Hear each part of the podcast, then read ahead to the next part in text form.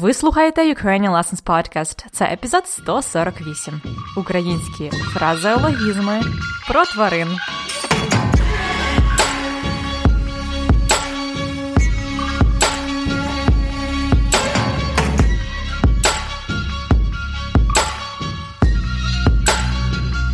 Привіт-привіт! Це Анна, ваша вчителька української. І ви слухаєте подкаст Уроки української. Як справи? Готували якісь українські пісні страви? Нагадаю, якщо ви не слухали, що в попередньому епізоді я розповідала про Великий піст і українські страви, які є пісними. Тобто це вегетаріанські або веганські страви. Тому, якщо вам цікава українська кухня, обов'язково послухайте попередній епізод. А якщо ви раптом приготуєте щось українське вдома, наприклад, е, приготуєте борщ, вареники чи дируни, то поділіться фото своєї страви зі спільнотою Ukrainian Lessons – ви можете це зробити в нашій активній групі на Фейсбуці Ukrainian Lessons Learners Group. Щоб приєднатись до цієї групи, заходьте на ukrainianlessons.com риска FB Group ukrainianlessons.com FB Group. У тій групі ми можемо ставити питання, ділитися корисними матеріалами, своїми успіхами, або, може, навіть е, фотографіями українських страв. Добре?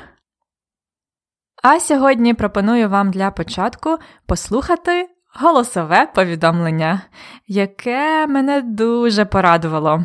Тим паче, що воно від слухачки, з якою я мала можливість познайомитись особисто. Можливо, ви вже чули про неї, чи спілкувалися з нею в нашій групі на Фейсбуці? Вона там досить активна. Її звати Кортні Копленд. Вона американка, але вона жила в Україні два роки за програмою Корпусу миру. Кортні вже надсилала нам голосові повідомлення не один раз. Але цього разу вона поділиться з вами цікавою історією історією успіху.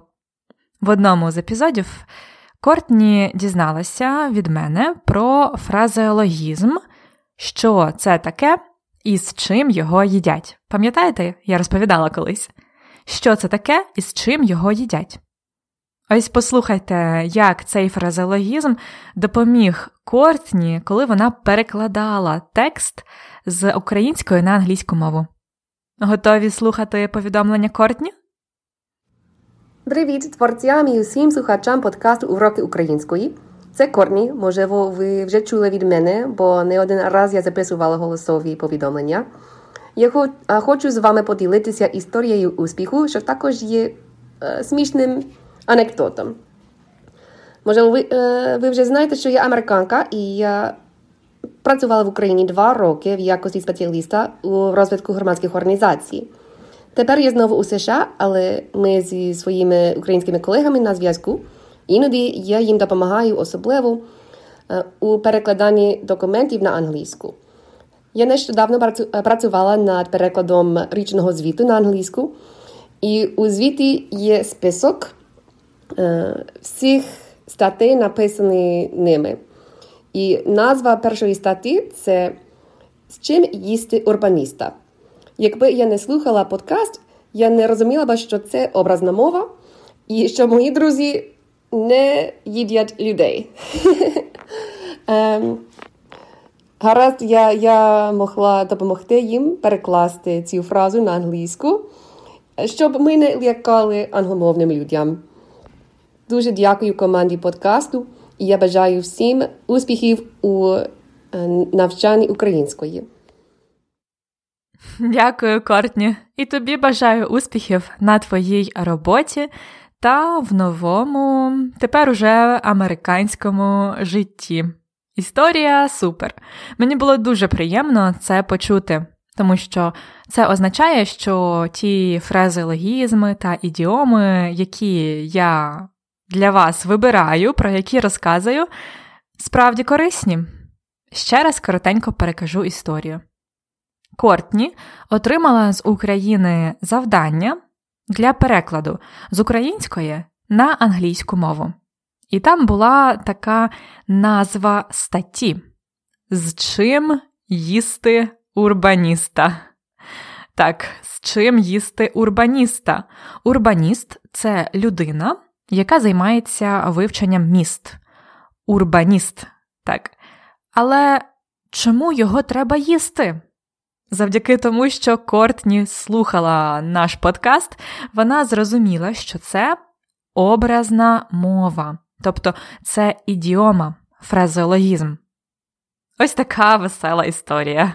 Дякую, що поділилася, Кортні. Завжди рада чути від тебе.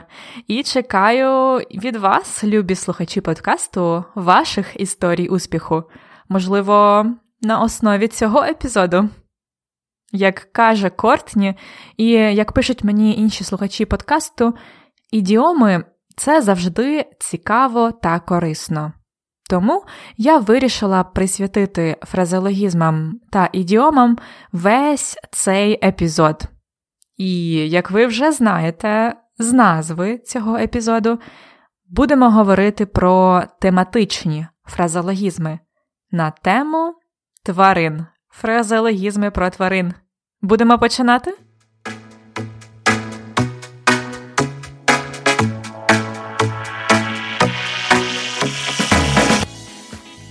Українські фразеологізми про тварин. Насправді, коли я почала шукати фразеологізми та ідіоми з тваринами в українській мові, я була шокована. Їх так багато. Раніше я пам'ятаю, як я вивчала французьку мову, і одного разу у мене був урок про ідіоми, про французькі ідіоми про тварин. Я тоді думала: ого, в французькій мові так багато ідіом з тваринами. Але, як виявилось, в українській мові їх точно не менше. Не знаю, може десь 100 чи навіть більше, їх дуже багато. І вони дуже цікаві і смішні. Я, звичайно, не зможу вам про всі-всі розказати сьогодні, тому я вибрала для вас 10. А в конспекті уроку буде список цих фразеологізмів і ще додаткові 10 бонусних фразеологізмів з тваринами.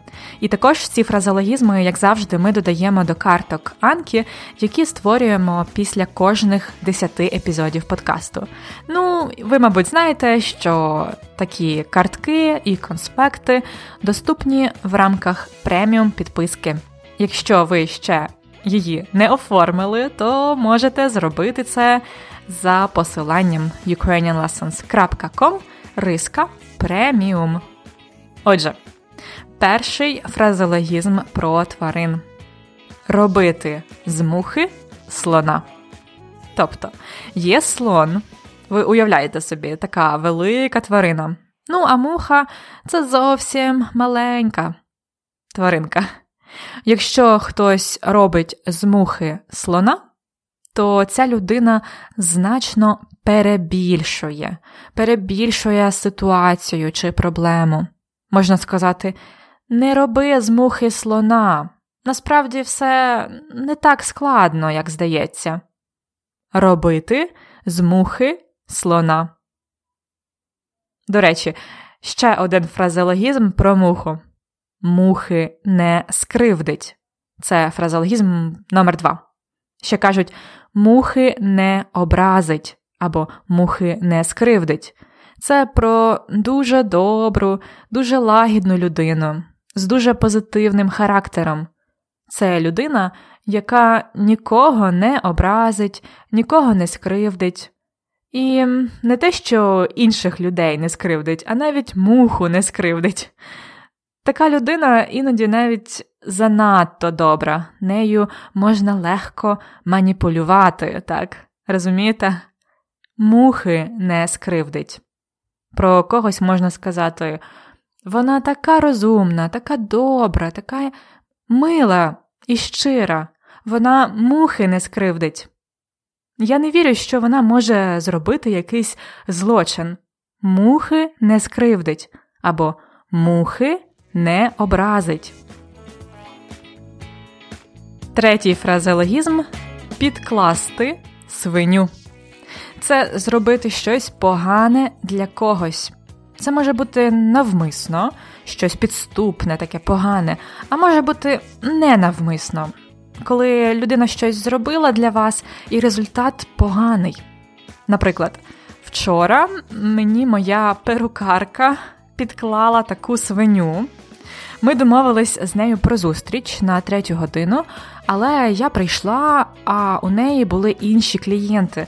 Вони запізнились, і тому у неї змінився графік, і мені довелося чекати цілу годину, поки до мене дійшла черга. Таку свиню мені підклала перукарка. Ну, звичайно, це було ненавмисно, вона вибачалась, але мені було неприємно, бо мені довелося чекати. Підкласти свиню. Наступний фразеологізм собаку з'їсти на чомусь. Ні, ми, українці, не їмо урбаністів і не їмо собак, наскільки мені відомо. А з'їсти собаку, я, здається, вже згадувала в одному з попередніх епізодів подкасту. Це означає мати великий досвід у чомусь, бути досвідченим. Наприклад, він вже 20 років працює вчителем математики, він собаку з'їв на рівняннях. Тобто він дуже добре знає все про рівняння, про математику. Тому що він багато працював вчителем, він собаку з'їв на математиці. З'їсти собаку на. Далі переходимо до наступної тваринки, до жабки. Ква-ква. Знаєте, українською мовою жабка говорить ква-ква-ква. Жаба живе на річці. Це така маленька, зелененька тваринка. Говорить ква-ква. І п'ятий фразеологізм сьогодні жаба душить. Жаба душить. Це означає, що я чи хтось не хоче платити за щось дуже багато. Тому що, на думку цієї людини, це стільки не коштує. Наприклад, я можу сказати: так, я би хотіла піти на цей концерт.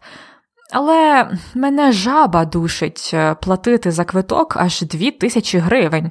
Як на мене, це занадто дорого. Мене жаба душить. Я не хочу платити так багато. Жаба душить. Далі на черзі ведмідь. Ведмідь на вухо наступив. Ось такий смішний, е, на мою думку, фразологізм. Це номер 6. Уявляєте собі, як ведмідь наступає вам на вухо. Це жах. Так от, ведмідь на вухо наступив. Це про людину, яка зовсім не має музичного таланту. Тобто, якщо уявити, що ведмідь наступив цій людині на вухо, то вухо у неї ну, як і слух взагалі, дуже-дуже погане, так. Тобто ця людина не може почути різні ноти, не вміє добре співати, їй важко навчитися грати на музичних інструментах, їй ведмідь на вухо наступив. Минулого року в Швеції я спробувала ходити на хор. Український хор у Стокгольмі. Хор це коли всі разом співають. Але не знаю, мені здалось, що у мене поганий слух. Мені ведмідь на вухо наступив. Я дуже погано співаю, тому я перестала ходити. Ведмідь на вухо наступив. А далі про курку. Фразеологізм номер 7 Писати як курка лапою. Лапи це руки та ноги тварин лапи. Писати як курка лапою означає писати від руки так дуже негарно, неохайно. Писати так, що потім ніхто не може прочитати, що ви там написали. В Україні говорять, що майже всі лікарі мають дуже поганий почерк, тобто погано пишуть. Лікарі пишуть, як курка лапою. У вас в країні теж так само? Не знаю, чи так у всьому світі. Як курка лапою. Восьмий фразеологізм. Як рак свисне. Або коли рак свисне. Рак це така тваринка, схожа на велику креветку. Але раки живуть у річках та озерах. Раки досить поширені в Україні, тому ми знаємо, що раки точно не свистять. Тобто раки не говорять, не видають жодних звуків. А отже, фразеологізм коли рак свисне означає, мабуть, ніколи, не скоро. В Україні цей фразеологізм е, часто можна використовувати, щоб скаржитись на політику чи на економіку. Можна говорити, коли в Україні будуть нормальні дороги, коли рак свисне, коли в Україні не буде корупції, теж коли рак свисне. Тобто, можливо, що ніколи. Так, українці люблять скаржитись на політику. І ви можете приєднатися до розмови і використати такий фразеологізм, коли рак свисне. А наступний передостанній фразеологізм теж буде з раками. Їх е, видно багато в українських річках раків. Так от ми кажемо показати, де раки зимують. Зимувати означає проводити зиму, десь бути взимку, зимувати. Показати, де раки зимують, означає покарати когось, помститися комусь. Наприклад, якщо хтось вас дуже образив, підклав вам якусь свиню, так, ви можете сказати йому: Я тобі покажу, де раки зимують. Або просто я тобі покажу, теж можна сказати. Показати, де раки зимують. І для останнього фразологізму на сьогодні запросимо вовка. Це дуже класний фразологізм, який буквально вчора сказала моя мама. Про вовка промовка. Зараз я вам розповім, як моя мама використала цей фразологізм. Ми сиділи на кухні, говорили про щось, і моя мама якось згадала мого брата Колю. Вона каже: Коля казав, що там щось вона говорила, і раптом ми чуємо, як дзвонить мамин телефон. Мама піднімає телефон і бачить, дзвонить Коля, мій брат. То мама каже: О, про вовка промовка. Тобто, якраз ми згадували Колю, мого брата, і він дзвонить. Так само може бути, якщо ви зараз говорили про якусь людину, і раптом ця людина заходить в кімнату. Тобто це випадково. Тоді ви можете сказати про вовка, промовка. Якраз про тебе й говорили, так? А ти тут е, зайшов чи подзвонив. Про вовка, промовка.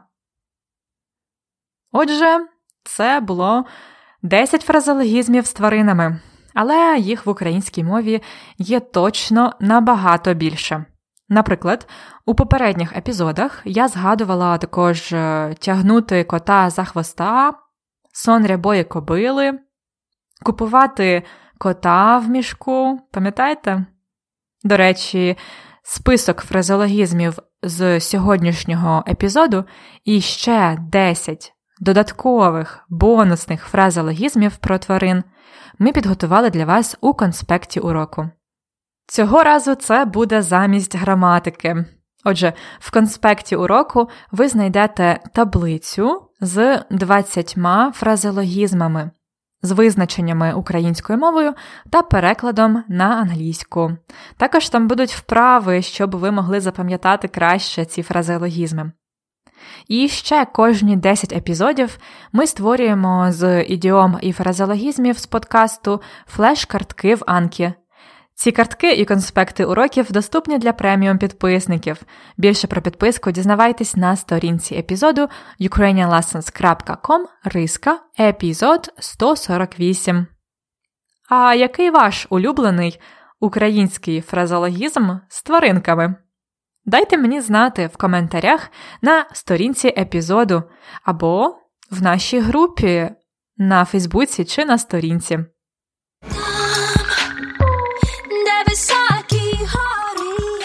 На сьогодні все. Цього разу не було цікавинки з граматики, бо я щось зовсім не можу нічого придумати, про що вам ще розказати з граматики. Ми вже покрили так багато тем. Можливо, вас цікавить якась особлива тема з граматики, щось, що ви ще погано розумієте. Тоді напишіть мені свої ідеї на anna собачка Це моя електронна адреса. До речі, можете зробити це у формі голосового повідомлення. І на сам кінець нагадаю, що повний текст епізоду з вправами і новими словами, а також е, таблиці з ідіомами доступні у формі підписки Ukrainian Lessons Premium. Дізнайтеся більше і оформіть преміум підписку на сторінці епізоду ukrainianlessons.com риска епізод 148 ukrainianlessons.com slash episode 148 Всього вам найкращого. До побачення. На все добре.